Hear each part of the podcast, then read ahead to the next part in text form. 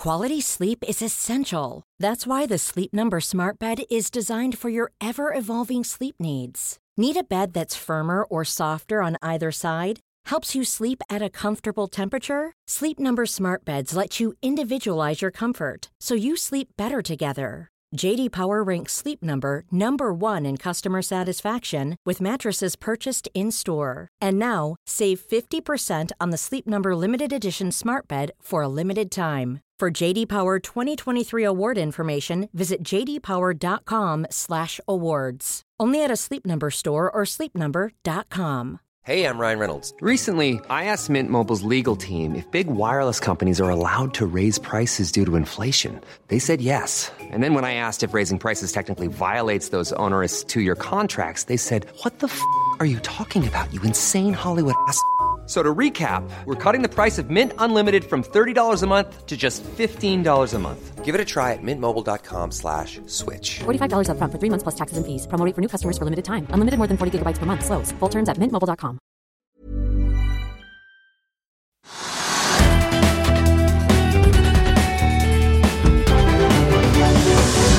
Velkommen til Økonominyhetenes sommerserie fra oss her i Finansavisen, der vi gjennom sommeren får besøk av ulike personer som fra hver sin kant i økonomiens verden skal gjøre oss litt klokere på hva som skjer, og ikke minst hva vi kanskje har i vente. Og denne gangen så har jeg fått besøk av investor Peter Hermanrud og selveste Trygve Hegnar for å snakke aksjer og om alt det som har skjedd i halvåret vi har lagt eh, bak oss. Velkommen, eh, mine herrer, og takk for at dere er eh, med oss. Du, I det vi sitter her, så er det altså seks børsdager igjen eh, av eh, juni, og dermed også første halvår. Eh, akkurat det vi sitter her, så har jo børsen ned, og Doff har fått på plass en restruktureringsavtale. Kanskje skinner solen, men eh, først, eh, Petter. 2022, Mm. så langt. Sett det litt i perspektiv for oss. Hva slags år har dette vært eh, har på på vært- børsen? 2022 har jo rundt omkring i verden vært en hel katastrofe. På Oslo Børs har klart seg greit. Altså Vi er jo ikke ned mer enn 3-4 liksom. Men, mens resten av de som ikke har olje nå, det er fryktelig mye ned, egentlig. Ja. Olje har klart seg bra, laks har klart seg bra, og det meste er egentlig mye ned. Så det har vært et veldig dårlig halvår, og, og, og så har man kunnet klare seg greit på Oslo Børs. Trygve, du har også sett noen opp- og nedturer opp gjennom historien i aksjemarkedet. Hvordan vil du kategorisere 2022? Ja, jeg syns det som er spesielt, er at det som uh, Herman var inne på, nemlig det at store deler av verden har hatt et kraftig børsfall, av forståelige årsaker. Uh, og så har man da i- på Oslo Børs klart å komme- seg unna nesten, nesten det meste, fordi at da energi har vært så sterke, altså både olje og gass, og som kan også være, og, og de, de, de næringene som lå nede, altså offshoresektoren, som liksom har fire, fem, seks år uten beskjeftigelse, eller dårlig beskjeftigelse, og, og liksom Det så ganske stygt ut mange, mange steder. Og så plutselig så er alt gull. fordi at liksom da vi pga. krigen i Ukraina og stigende gasspriser og stigende oljepriser og alt, så skal alle bruke penger på, på, på olje og utvinning og leting osv. Og, så og det har gitt da selvfølgelig en stor del av norsk økonomi et kjempeløft. Og da er vi da liksom ute i pluss minus minus, kanskje i 2022 nå. Mens andre land, altså USA, da har Nasdaq-indeksen ned 30% og SMP 520% osv. osv. Så, videre. så vi, vi er på siden av alt annet, har vært kjempeheldige. Og det er klart, De som ikke har vært i oljeservice, ikke vært i olje, ikke vært i energi, de er taperne nå. Ja. De er taperne. Og tyskerne og svenskene så de ligger også ned sånn 20 Ja eh, omtrent for året. Ja da. Ganske brutalt. Ja, det er brutalt, det. altså. Det, det er tøft rundt omkring nå. Men Men- men- Og, og det er jo sånn, jeg vet jo at, jeg husker jeg fant en gang at på Oslo Børs er det verste halvåret siden, siden indeksen startet i 1983, det er minus 12% Så det er jo, vi er jo, kommer jo til å ende opp innenfor det i år også. Sant? Men, men eh, det, det viser bare at det er veldig sjelden at det er så svakt på denne tiden av året. liksom, sant? Eh, Vanligvis kommer det katastrofen til høsten. Men, men så kan man stille spørsmålet kunne det vært forutsett. Altså Burde Herman sette, burde jeg sette, burde alle andre sette? Ja og nei. Altså Det vi visste, var det at en del av den industrien som nå har kommet veldig opp, og kursen har gått kraftig, de var forgjeldet. Enten var supply-redere eller andre typer redere innen olje, olje, oljesektoren, innen riggsektoren. Altså alle var forgjeldet. Ingen så noen fremtidig utgang på det. Så ble det liksom Det burde man ta hensyn til hele tiden. Noe som er forgjeldet. Det tar tid å bli kvitt gjelden, det tar tid å liksom tjene penger igjen. Det tar tid å være flink. Eh, Det kunne man se. Men at det skulle bli det totale skiftet, at liksom alt annet er, er tull, liksom, enten du driver med tech-selskaper eller du driver med da, tradisjonell industri eller hva det måtte være, at alt det skulle liksom gi minus, det kunne man ikke forutse. Men man kunne forutse at det liksom det, det kunne skje noe i denne, denne ene sektoren, da, innen energi- og, kraft, kraftsektoren og, det, og olje og gass, og det, Ja, det, det kunne man faktisk forutse. Det er jo to ting vi har, i hvert fall har snakket om i mange år. Da. Det ene er jo i hvert fall mange i oljebransjen har ment at her underinvesteres det kronisk. Ja. Og det andre er jo hva skjer den dagen etter lavrente på en måte kapitlet eventuelt tar slutt. har vi jo godt å snakke om, og nå ser det jo i hvert fall ut til at det inntil videre tar slutt. Ja, Det er vel kanskje det som er det viktigste. Altså, Det er jo P-en som har falt, prisingen som har falt i takt med at realrenten har gått opp. Altså Både inflasjonen har gått opp, men også jeg tror faktisk det viktigste er at renten har gått opp i forhold til inflasjonen. Så det har ikke, eh, Og derfor er det en katastrofe f.eks. i eiendom, særlig svensk eiendom. da. Eh, men, men på en måte var det forutsett, men jeg har jo forut, forventet det i årevis her. Sant? Jeg har godt tenkt at det kan jo ikke vare dette. Vi kan jo ikke kjøre med høykonjunktur og negative renter. Det, det må jo føre til inflasjon. Og så har jeg ment i mange år at det må jo, det er ingen logikk i annet enn at det blir Plutselig så kommer inflasjonen. Ja. Men det har ikke kommet og har ikke kommet og ikke kommet, og så plutselig så kom den. Og når Nei, og hvis du satte kom, deg på gjerdet, så så- kom det enormt. Og hvis du satt deg på gjerdet, så vi hadde du jo da gått glipp av stor avkastning. Nettopp, for det har det jo vært det. voldsomme oppgangsår i mange mange år i aksjemarkedet. Ja, men, men prisveksten kom også, som Herman er inne på, den kom jo veldig altså fort og veldig sterkt. Så liksom, plutselig så leser vi da i blader og tidsskrifter og i analyser at eh, prisveksten i USA er 8 ikke sant? Vi skjønner ikke engang. Og i i Europa 7-8% Vi skjønner jo ikke Storbritannia 8-9-10% altså, Det skjønner vi ikke, det kom på uker. Det er klart at Når det kommer, så skal alle motkreftene settes inn. Dvs. Si altså sentralbankene skal gjøre noe med styringsrentene, folk skal liksom tilpasse seg og gjøre mye rart osv. Mm. Folk blir kjempenervøse for da liksom at de fremtidige inntektene langt inn i fremtiden, de som man elsker å lese om, de kommer kanskje ikke for den høye renten. Og, skal, og da skal liksom alle agere samtidig, og det blir jo et blodbad, altså. Mm. Ja, Det blir et blodbad. og det, ja. liksom, og det, det er vi midt inne i nå. ja. Sant? Men er det da, Vi har jo snakket om inflasjon lenge nå, i mange måneder. Så er jo da det nye å snakke om er jo resesjon. Tror Ja. dere på det? Har, jeg har vel vært på forsiden og sagt at jeg tror på det. Det, var, det var en stund siden, og det var ganske mange prosent siden. Så, Ja. Altså, jeg tror at ja, resesjonen er veldig overhengende sannsynlig. Altså, altså når det har kommet så langt ut, det, i, i, når du har sluppet økonomien så høyt opp og latt det bli så mye inflasjon, så må du kvele den ganske hardt. Og det, det er iallfall ingen historikk. Man har aldri noensinne klart å kvele en høykonjunktur på den måten uten at det blir resesjon. Ja. Så jeg, jeg tror jeg er ganske Altså nå er det vel sikkert Altså, jeg- 70-80 sjanse sannsynlighet for det. Altså, En resesjon drevet frem av Men, men jeg satt i et styremøte forleden uh, hvor dette var et viktig poeng, og, eh, og uh, alle var enige om at det blir en resesjon. Jeg, men jeg prøvde å være litt sånn motkraft i det ved å si det at jeg, altså, ja, det blir en resesjon i USA. De klarer ikke å, å, å liksom styre økonomien i USA med da en De klarer ikke å lande den her de klarer ikke å lande den, og Derfor tok de sånn trippeløkning, ikke sant, og det blir mer. Eh, De, de lander ikke det forsiktig, det gjør de ikke. men altså, Heller ikke Storbritannia. Men det er ikke sikkert at det blir en resesjon i Norge. Det er ikke sikkert det blir en resesjon i Tyskland. Kanskje ikke. Altså, hvis den slår ut, så er det liksom ikke så mye som man kanskje kunne forvente eller tro. Vi får en resesjon noen steder, men vi får ikke en verdensomfattende resesjon hvor alle lands BNP kjøres ned med 3-4-5-6 det, det skjer ikke. Fordi at man da setter inn motkrefter, som man da kan gjøre litt grann ved da rentepolitikken og pengepolitikken. Så, det, så den store, store internasjonale brede nedgang, den tror jeg ikke noe på, faktisk. Det blir mer differen, altså differensiert enn som så. Men vi har tenkt, Herman, det der med, vi, vi har sett dette sjokket komme nå på, i aksjemarkedet på mange, mange typer investeringer. Og så har vi fått av fallene i USA. Er det bunnen, eller er det som din tidligere kollega Harald Magnus Andreassen sa, vi skal ned 50% Ja, jeg, jeg var jo litt er snillere enn han, for jeg sa vel 30 til 50. Han sier 50 til 60, eller 50 til 65. Men vi er jo 30 allerede. Ja, ja. Altså, Altså, jeg tror jo at, at i sum? Ja. burde fallet bli litt mindre denne gangen. Sånn, også på Oslo Børs burde bli mindre, for det er ikke gjeld, faktisk. Altså Det er mindre gjeld enn noensinne omtrent, og det, det har litt å si for hvor mye det kan falle. Og så er det ikke det aller dyreste. Det, det er markedet alle store fall begynner på et, med et altfor dyrt marked. Og dette var et altfor dyrt marked, men det var ikke 2007 dyrt. Og dermed er det liksom fallpotensialet. Når det først faller ut eh, ut fra et, et hotell, så er det farligere å falle. for Du faller lenger hvis du starter i tiende etasje Enn hvis du starter i femte etasje. Ja. Du er ganske død likevel, men, men, men fallet burde ikke bli så stort denne gangen. Hvor mye Nå snakker jo flere om ja, er, men er Nasdaq ned 30% eller SMP 20, er det, er det liksom bunnen? Det kan være bunnen. Tror Eh? Jeg tror jo egentlig mer Altså, Mitt hovedscenario er at, det ble bra en stund. Det ble bra en stund nå, og så kommer en ny runde til høsten.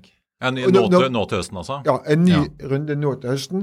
Når alle ser altså Foreløpig er det en spekulasjon med resesjon. Når vi ser resesjonen i hvitøyet, når du begynner å høre at alle selskapene sliter med inntjeningen, så tipper det kommer en ny runde. Ja, for det jeg skulle til å spørre om, men jeg har hørt nå flere snakke om av disse forvalterne rundt omkring at de går og venter, inkludert Leif Eriksrød og Alfred Berg, går og venter kanonresultater nå i Q2-sesongen Ja. som uh, løper Ja. nå i sommer. Altså, Det er jo ikke bare Equinor-pengene renner inn, i sjømat er det jo Nei, høye priser. Ja, de vil jo ikke falle. Altså, i- altså Inntektene i sjømatsektoren vil holde seg oppe. Så liksom Det er jeg nesten- sikker på. Jevnt over, og selv om uh, metallprisen har falt noe, så er det fortsatt gode tider Ja, for og- Hydro og co. Hva sa du om sjømat? Jeg, jeg tror at de marginene de har, de vil vare ganske lenge. Folk skal ha denne maten, de vil ha denne fisken, og de har, de har innarbeidet avtaler. og Man skal øke Kina, man skal øke andre land osv. Altså, jeg tror folk vil kjøpe den type varer. Og, og så har vi det andre som du så vidt nevnte. det er klart at en del, altså Equinor kan falle med oljeprisen, selvfølgelig, og oljeprisen kan falle. Det er jo opplagt, jeg skal ikke si noe mot det. Men de tjener så hinsides mye penger i Equinor. Altså hinsides.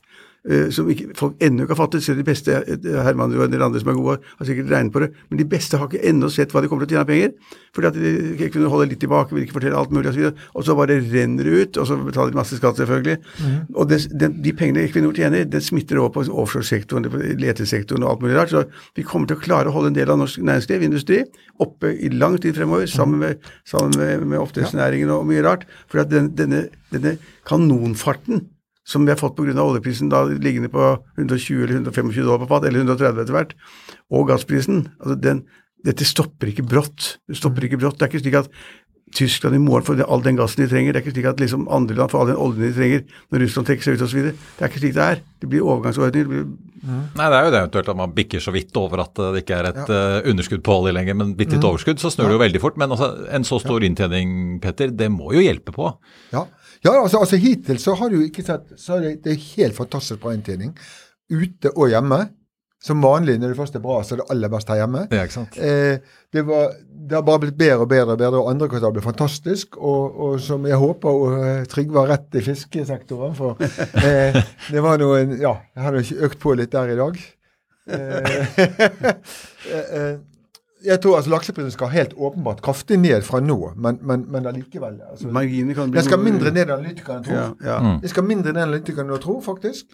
Eh, og, og, og, og så er det mange steder altså, Hvis du tar det overordnet altså jeg, jeg tror også at inntjeningen blir ikke så katastrofal denne gangen. Det skal ned. Det kommer til å bli dårligere. Eh, men, men for meg er det viktigste at det har ikke vært så enormt mye tilbudsrespons. Altså det vil si at det er ikke bygget ja, men det, det, det er ikke, altså I fisk så er det jo sitter myndighetene begrenset Ja, ja, ja, så det det er- kommer ikke mer. Altså, det, Ja, du ser jo Grieg som hadde kapitalmarkedsdag eh, litt før sommeren her. De, de skal til Canada for å vokse, for i Norge Ja, er det jo bom stopp. Nettopp. nettopp. Og det, er jo, altså det blir ikke så veldig mye tilbudsvekst der. I olje så har det vært fullstendig off å investere i, i, ny, i nye felt. Sånn. Så der, I det tar en evighet frem til det blir mer olje og nok olje. Det kan ikke bli veldig ille der. I shipping til og med så har det vært bygget utrolig få skip fordi at folk venter på hvilket maskineri de skal ha og sånne ting. Så selv der, ja, det kan komme nedtur, den men, men det kan ikke, jeg tror ikke det kan bli så forferdelig ille så veldig lenge, egentlig. Bare container. Jeg hører at det er mange skip på vei, mens i de andre sektorene så virker Ja, i container så er litt virker det sånn, som i, i er, container, Hvis jeg har fått tid en gang, så kanskje skal shorte de, altså. Og, For, og, for, og tank har ikke vært dårlig på 30 år. ja, Ja. Nei, det, det har vært dårlig, er dårlig, er- vil være dårlig. Ja, men da er vi enige. Jo, Og vil være. Ja, Har du ikke noe tro på at uh, Nei, nei, men- Frontline Aeronam og disse skal få seg et lite det er pust etter hvert? Det, altså, det er enkle sammenhenger. Og det har vi sett historisk. det er at Hvis oljeprisen går kraftig opp, og det, det, nå er den altså veldig sterk opp, så vil det påvirke etterspørselen. Vært helt, altså Vannet renner nedover. Så hvis det ikke på en eller annen måte i verden, enten det er industri eller konsum, eller hva det måtte være, hvis ikke da den høye oljeprisen betyr noe for etterspørselen, da skjønner jeg ingenting. Mm. Det betyr da det selvfølgelig at eh, behovet for å frakte olje hit og dit eh, er, er, går ned. Hvis det er alt annet likt, så vil det gå ned, eh, og da får du ikke noen økning i, i fraktratene heller, fordi at det er nok tankskip der ute i, i dag. Så kan det komme endringer pga. Ukraina og frem og tilbake og Asia osv. Men det er ikke de store endringene. Poenget er at det er ikke den samme etterspørselen hvis oljeprisen er 120 dollar på fat som den er 55. Ja. Det er bare, sånn er det bare ikke. Men Jon Fredriksen har jo åpenbart et eller annet i tankene når han driver og vil fusjonere Frontline med Euronav, da. Så Ja, han satser vel på et eller annet der fremme? Jo, men han har- kan se langt, han har nok av penger. ikke sant? Om han Ja. putter 5 milliarder eller 3 milliarder, spiller ingen rolle. Og, og, og, og han liker å, å ha kontroll, posisjonere seg, kjøper aksjer i andre selskaper. ja. Men jeg, jeg bare sier tankmarkedet har vært dårlig nå i mange, mange år. altså Det er på bånn. Og jeg, jeg, historisk sett så husker jeg veldig godt hvordan da oljeprisen ble hevet i 1973. Da araberlandet hevet oljeprisen. Sakte, men sikkert for hver måned som gikk, og det ble verre og verre. Og i 1985-86 så var nesten alle norske tankredere konk. Ja. For etterspørselen. Og etterspørselen falt og falt og falt, Ja. og falt, og tilbudssiden økte og økte, og prisene ble høyere og høyere. Ja. Så var det. Så. ja. Men i bilfrakt og gassfrakt og der Ja. er- virker det som det går så det griner. Mm. Ja, altså for å ta, ta på tank, altså jeg er litt sånn For min del er det dreier seg om at jeg, jeg har bestemt meg for Altså jeg kjøper de argumentene nok til at jeg bruker ikke tid på det.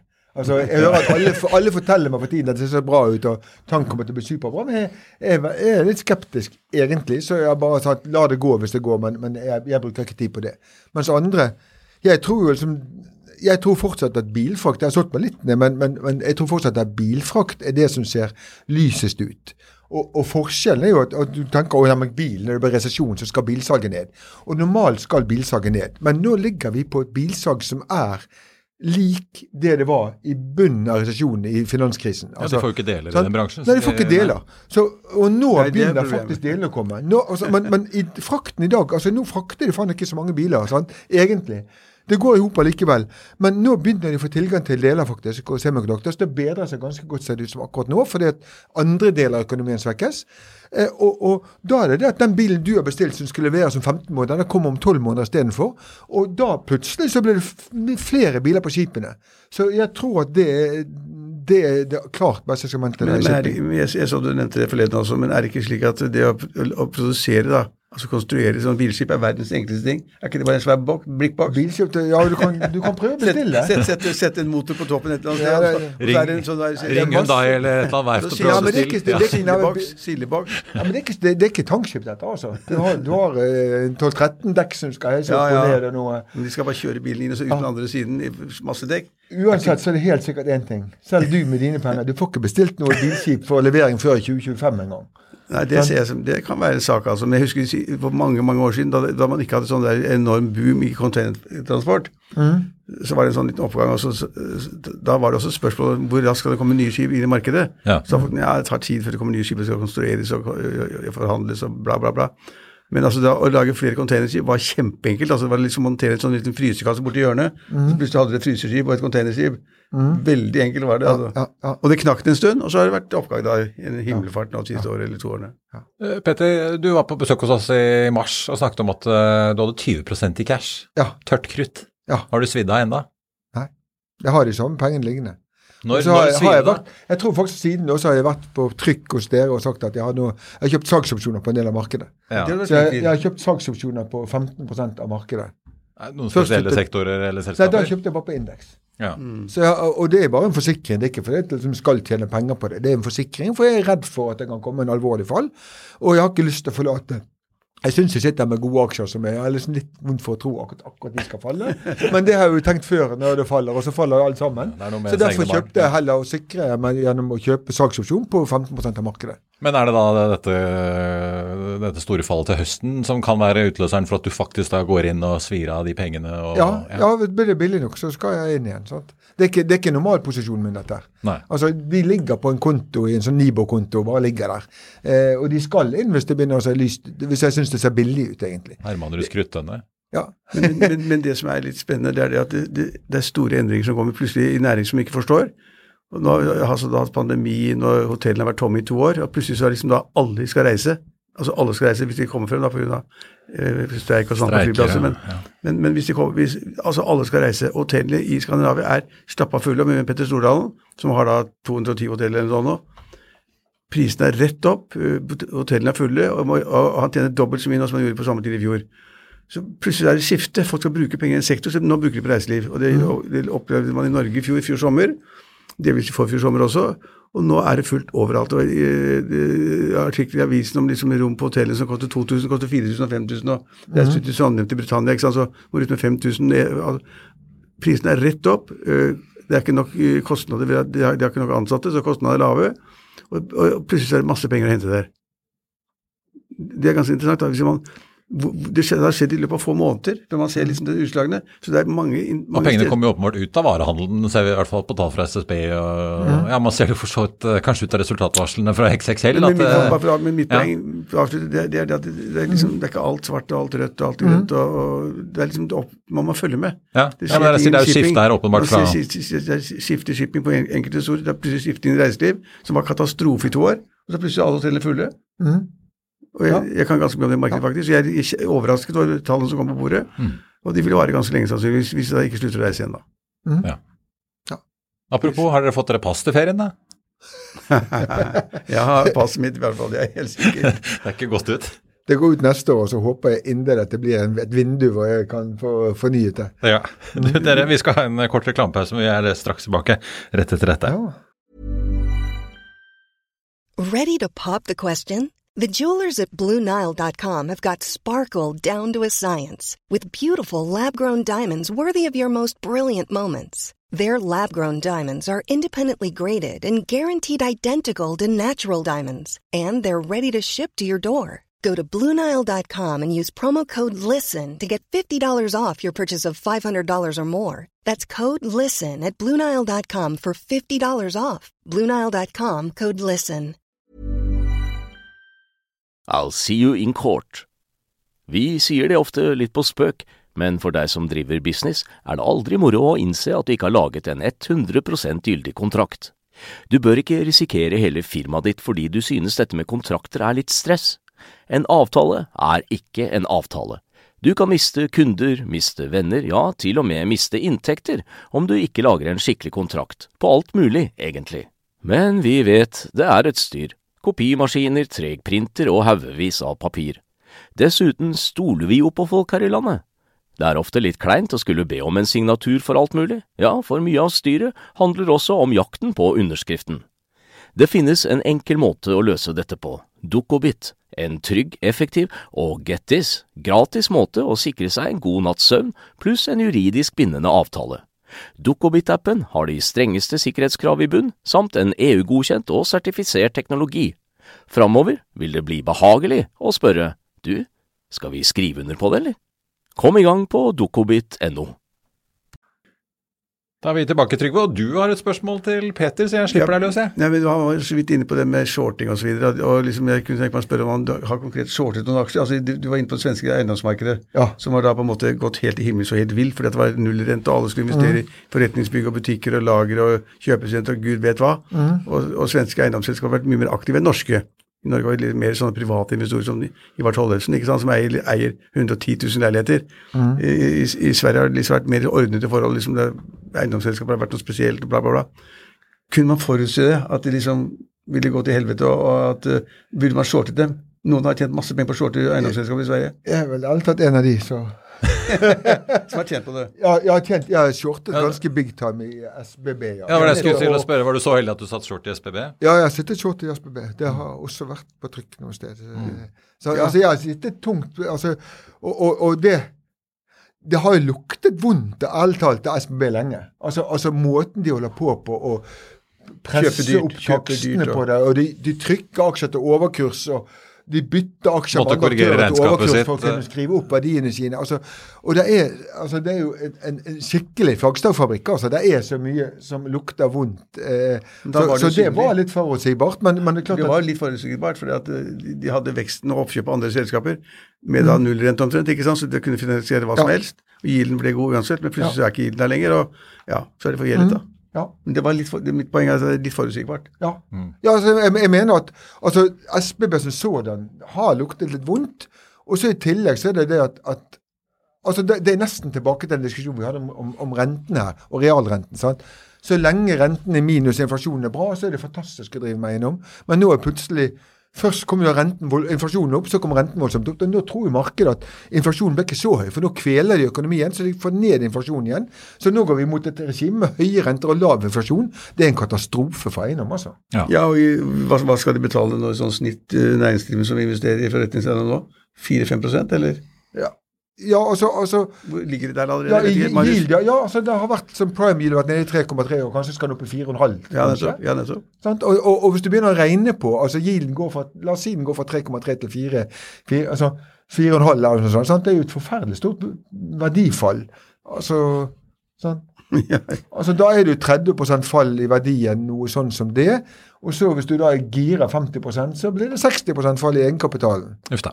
Mm. Og SBB er giret mer enn det, og dessuten så er det andre ting som er vondt med det. Men i Sverige er det jo mange av disse eiendomsselskapene er jo eier jo hverandre. De er ganske sammenviklet. Ja. Er det liksom Drar den ene ned alle, da? Eller? Ja, selvfølgelig. Det er jo, det er jo også sant. Noen har jo, det har eh, sant? Noen har jo prøvd å selge ut litt av dette. her? Og, men de sitter jo og eier masse i hverandre, og plutselig så tørker kontantstrømmen ut fra de forskjellige. for de, de har for mye gjeld og blir sliter med rentene, så kan ikke de betale utbytte. Og så ligger alle de andre som har kjøpt aksjer i disse her, og får ikke inn de utbyttene de trenger. Så blir det enda verre kontantstrøm. Men la meg bare hoppe litt i de, de, de, amerikanske tech-aksjene. Ja. De som har vært høyt priset og for, på forventningene, forventningene 3 og 5 og 20 år frem i tid, med enorme beløp, er de liksom for, har de fått en endelig smell? Altså, er liksom, altså de, de har falt 10, 20, 30, 40 50 Amazonen og Netflixen og Ja, ja, selv, ja, ja, ja alle, alle selskapene har Ja, falt. Det er unntak hvis de ikke har falt, og da har de falt 10, 20, 30, 40 liksom, skal, Er det en langvarig prosess, eller liksom Kanskje, Trygve. Altså, akkurat her nå tenker jeg for første gang jeg kan huske å ha tenkt på ti år, at ja, kanskje det er interessant nå. Mm. Altså, det er ikke noe varig. Men- men renten Vi skal skal fortsatt Renten skal Ja, opp, renten, men renten er oppe. Jeg er, på at, jeg er ikke sikker på at renten skal opp mer. Altså, Korte renter skal opp, men lange renter kan godt være at det er toppen nå i lange renter. For når økonomien blir såpass svak. Eh, vi skal fortsatt investere mye i teknologi i bedriftene og alt det der. Skiftet er det. Eh, prisingen er kommet såpass ned at, at det er jeg ikke sikker på at det der er så dumt mer. Men vi godtar vel ikke det at altså, price-earning på 30 eller 60 eller 120 for sånne som, selskaper som ikke har noen ting? Nei, men det er bare at det kommer så voldsomt ned. Altså, jo høyere PD var det jo, jo kommet, altså, Det er bare at de som var på 50, kanskje på 30-25, og de fortjener iallfall mye mer enn 15. Så, Ja. så det nærmer seg jo iallfall noe. Ja. Men, Men, men jeg har ikke regnet noe mer på den at, at, at etter hvert nå så nærmer det seg kanskje eh, et tidspunkt hvor man skal bruke tid på det. Ja, for Spørsmålet blir jo ikke bare på de amerikanske tech-aksjene, men også her hjemme. altså Ja. Når er på en måte den uh, renteskrikken tatt ut, og disse vekstaksjene trøkket så langt ned at de, eh, hele Ja. renteeffekten er tatt ut? Ja. Trygve, du har jo lenge ment at det er for tidlig å drive og bunnfiske i eh, disse vekstaksjene nettopp pga. Ja, men det, rentefaktoren. i, ja, I hovedsak var det fordi de var overpriset. Mm. Altså, jeg orker ikke se på selskaper som har price-earning 200. Nei. Altså, det orker jeg Eller til og med hvor det er, eh, det er ikke engang earnings, Det det er er bare price sales. Ja. Ja, ja, nettopp. Altså, plutselig begynner å snakke litt om price sales på 10 og 20 og sånn. Det, er- er- altså, det er jo lattervekkende, ikke sant. Det orker jeg ikke se på. Derfor mener jeg at, at hvis man forventer et rimelig høyt rentenivå fremover, så blir det helt um- umulig å regne, regne hjem disse, mange av selskapene. Selv Kahoot, som har på en viss inntekt og tjener litt penger osv., men altså Autostore eller andre selskaper. Finansavisen har hatt mange gode artikler hvor vi har listet opp 50-100 selskaper som har falt 50-60-70 Og Hovedårsaken til at de faller, er ikke det at de ikke trenger tjenesten og varene de lager på en eller annen måte på et eller annet tidspunkt, det er det at de kan ikke regne hjem med det, den økte renten vi har hatt. Det er ikke mulig å regne hjem. og Da må du spekulere på at andre liksom er like, litt dummere enn deg, og da kjøper aksjen som du da selger osv. Det er Ja. Jeg tror jeg skal bare supplere den. For, for det, er- jeg mener det er to ting. Altså jeg mener Generelt i tech er det klart viktigste det du snakker om. At bare det går ikke an å regne hjem lenger med høyere renter. Så, eh, så går det ikke lenger. Men i tillegg så har vi jo hjemme, vi har jo hatt en spekulativ boble, rett og slett. Så mange av disse selskapene på evig seils tid, altså, som, som kanskje egentlig Det er ikke lett å se at det er noen som skal tjene penger på noe som helst. Eh, Det er bare liksom at altfor mange nye, ferske investorer som bare tror at aksjer dreier seg om å kjøpe et eller annet kult produkt som alle må ha. som- ja. Eh, Og, og, og som ikke forstår og ikke regner på om, om de kan tjene penger til å forsvare kursen. Det er liksom langt ute der av det de interesserer seg for. Eh, og, og, og den gruppen nye aksjonærer som har vært en voldsomt spekulativ boble, de har drevet opp en del sånne aksjer til helt latterlige nivåer.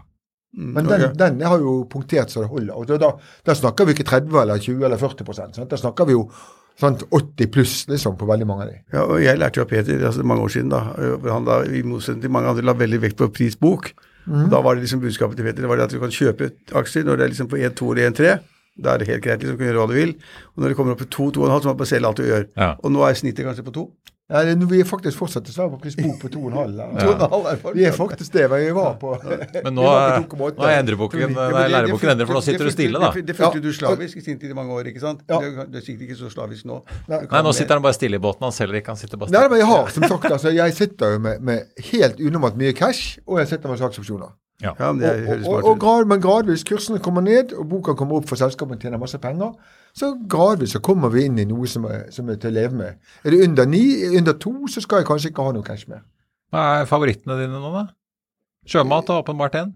Ja, altså Sjømat er noe jeg har kjøpt den største favoritten. Bilfrakt. Akkurat nå, ja, bilfrakt. Akkurat nå vil jeg si at Nilørn-gruppen, men det, er- den er en liten aksje, sant. Ja, det er det aller mest bull ja. på. Sant? Den den har kommet ned igjen nå, og det tror jeg blir altfor billig, liksom. Hva var det for noe? Eh, Nilørn-gruppen. Og De, de lager 1,5 milliarder merkelapper til klær. Ja. Og akkurat nå er det vel det nummer én på listen. Nisjeinvestering. Ja. Ja. Ja. Ja, jeg tror ikke de blir rammet av så, så veldig mye. Egentlig og klessalget har holdt seg veldig bra, og, og, og kursen har kommet mye godt ned den også, som alt annet.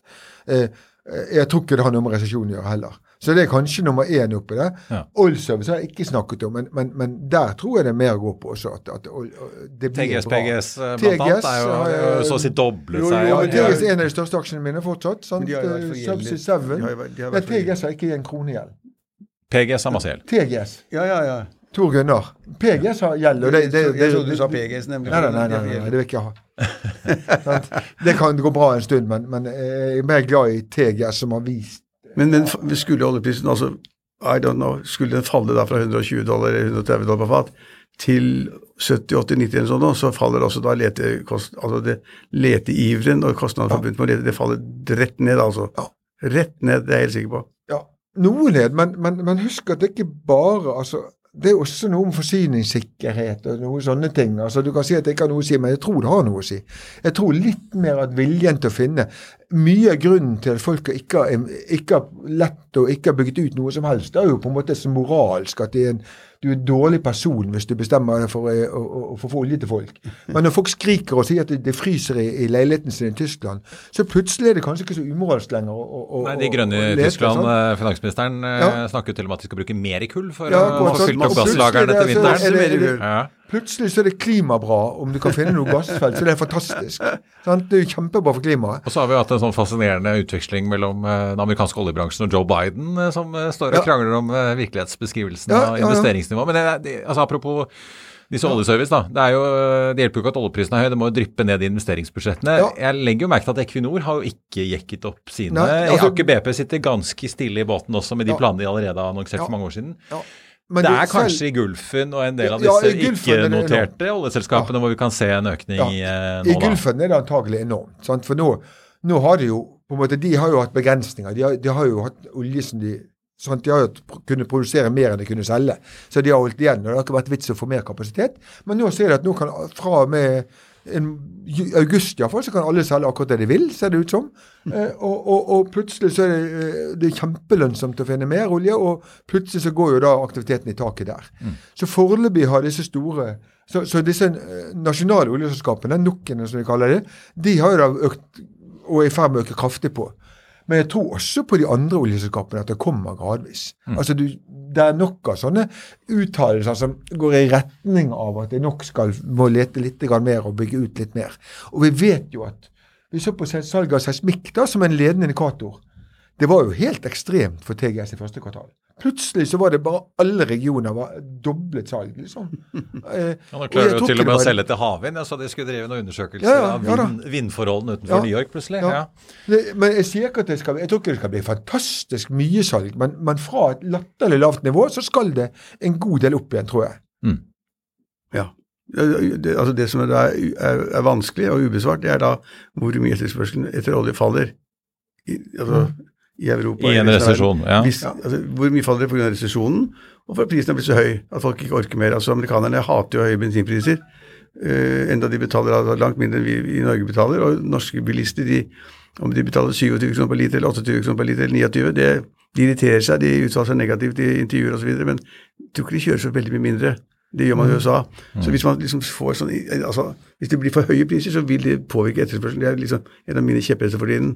Eh, Fordi det virker på alt, og det virker også selvfølgelig på, i, oljesektoren. Det må det gjøre. Det svir jo for alt, alt av bedrifter som skal kjøre rundt og levere varer og Ja. Ja, det er ikke bare private nå- som nå er på ferie. Midt, nå, er vi midt, ja. Marius, nå er vi midt i båtsesongen. Mm. og Nå har folk liksom hatt betalt mye for å kjøre bil. Nå skal de ut og, og fylle tanken for å kjøre båt. Og når de da får en regning på 5000 kroner bare for å liksom Fylt opp tanken 5000, altså hvor gang, mange ganger gjør du det før du irriterer Det spørs av hvor mange smil og hyggelige hilsninger Jonas Gahr Støre får på Bryggen på Sørlandet da, ja. Hvis, eh, hvis han blir sett av det publikum. Det er ikke sikkert at, at totalvolumet går veldig mye ned, men det vil påvirke etterspørselen. Det er Ja. mitt poeng. altså. Så man skal være litt forsiktig med liksom alt går til. Åpenbart. Altså åpenbart at, at oljeetterspørselen blir dårlig i en periode nå.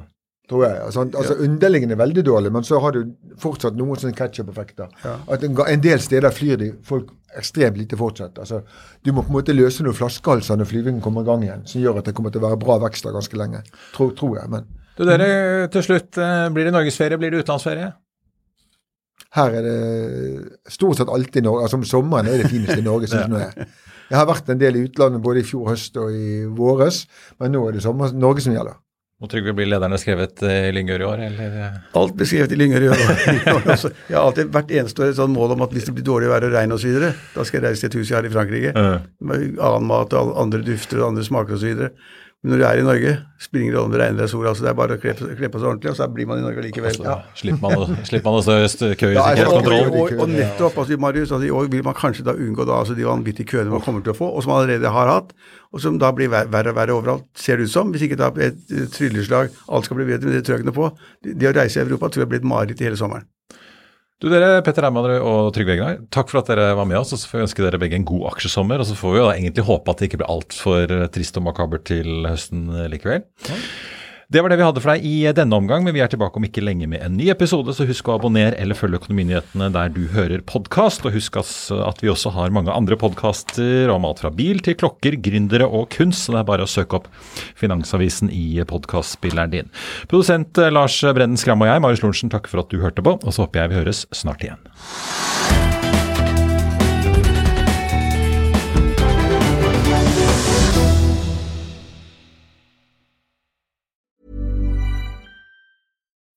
When you need mealtime inspiration, it's worth shopping Kroger, where you'll find over 30,000 mouthwatering choices that excite your inner foodie. And no matter what tasty choice you make, you'll enjoy our everyday low prices, plus extra ways to save, like digital coupons worth over $600 each week. You can also save up to $1 off per gallon at the pump with fuel points. More savings and more inspiring flavors make shopping Kroger worth it every time. Kroger, fresh for everyone. Fuel restrictions apply. Økonominyhetene er en podkast fra Finansavisen. Programledere er Marius Lorentzen, Stein Ove Haugen og Benedikte Storm Bamvik. Produsenter er Lars Brenden Skram og Bashar Johar. Og ansvarlig redaktør er Trygve Hegnar.